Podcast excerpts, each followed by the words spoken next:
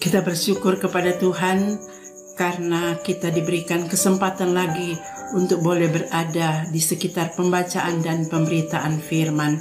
Namun sebelum itu, mari kita berdoa.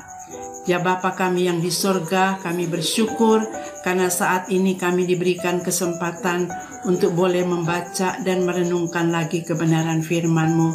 Ya Roh Kudus tolong kami memberi pencerahan kepada kami di saat kami membaca dan merenungkan firman-Mu. Dalam nama Yesus kami berdoa dan bersyukur. Amin. Adapun pembacaan kita saat ini terambil di dalam Matius pasal yang ketujuh ayat 17 sampai dengan ayat yang ke-20 demikian. Demikianlah setiap pohon yang baik menghasilkan buah yang baik, sedang pohon yang tidak baik menghasilkan buah yang tidak baik. Tidak mungkin pohon yang baik itu menghasilkan buah yang tidak baik, ataupun pohon yang tidak baik itu menghasilkan buah yang baik. Dan setiap pohon yang tidak menghasilkan buah yang baik pasti ditebang dan dibuang ke dalam api. Jadi dari buahnya lah kamu akan mengenal mereka. Saudara, bagian pembacaan kita saat ini adalah bagian akhir daripada khotbah Tuhan Yesus di atas bukit.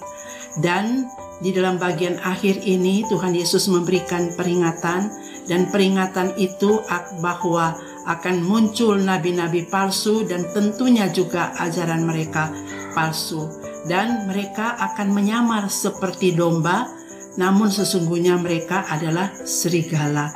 Untuk mengenal mereka, maka dapat dikenal dari buahnya. Buah itu menunjukkan kehidupan, bahwa mereka memang mempunyai kehidupan yang baik, tetapi sesungguhnya kehidupan yang menjebak dan mencelakakan hidup orang banyak. Saudara, oleh karena itu kita diperingatkan dalam ayat yang ke-15 pada Matius pasal 7 ini untuk kita waspada, untuk kita hati-hati, untuk kita tidak menerima begitu saja ajaran-ajaran mereka. Mengapa?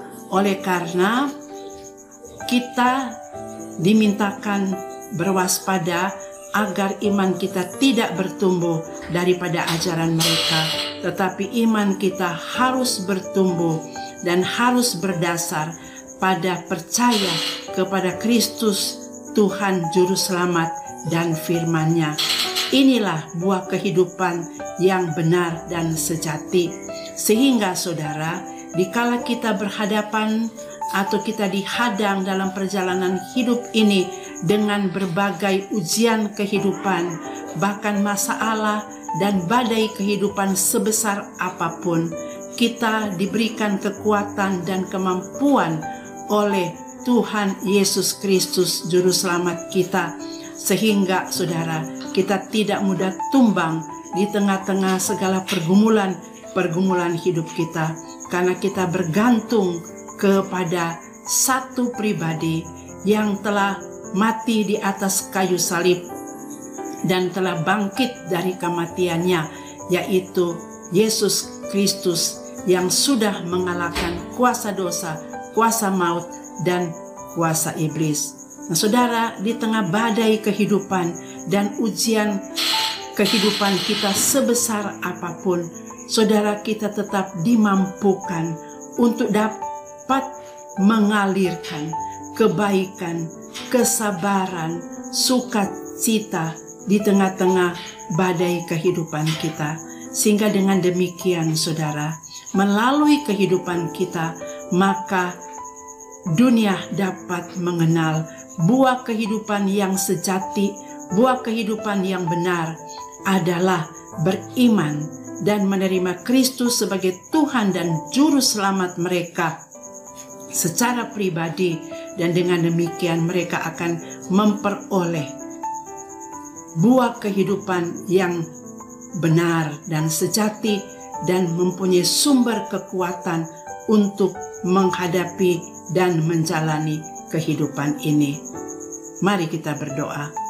Bapa di surga kami bersyukur karena kami diingatkan oleh Tuhan supaya buah kehidupan kami adalah buah kehidupan yang berdasar beriman kepada Kristus Tuhan Juru Selamat. Sehingga kami di dalam menghadapi kehidupan ini dengan segala pergumulan, kami ada kekuatan, kami ada kemenangan, kami dapat bertahan sehingga tetap mengalirkan buah kehidupan yang menyatakan kasih, kebaikan, kesabaran, dan sukacita daripada Kristus. Tolonglah kami Tuhan. Dalam nama Yesus kami berdoa dan bersyukur. Amin.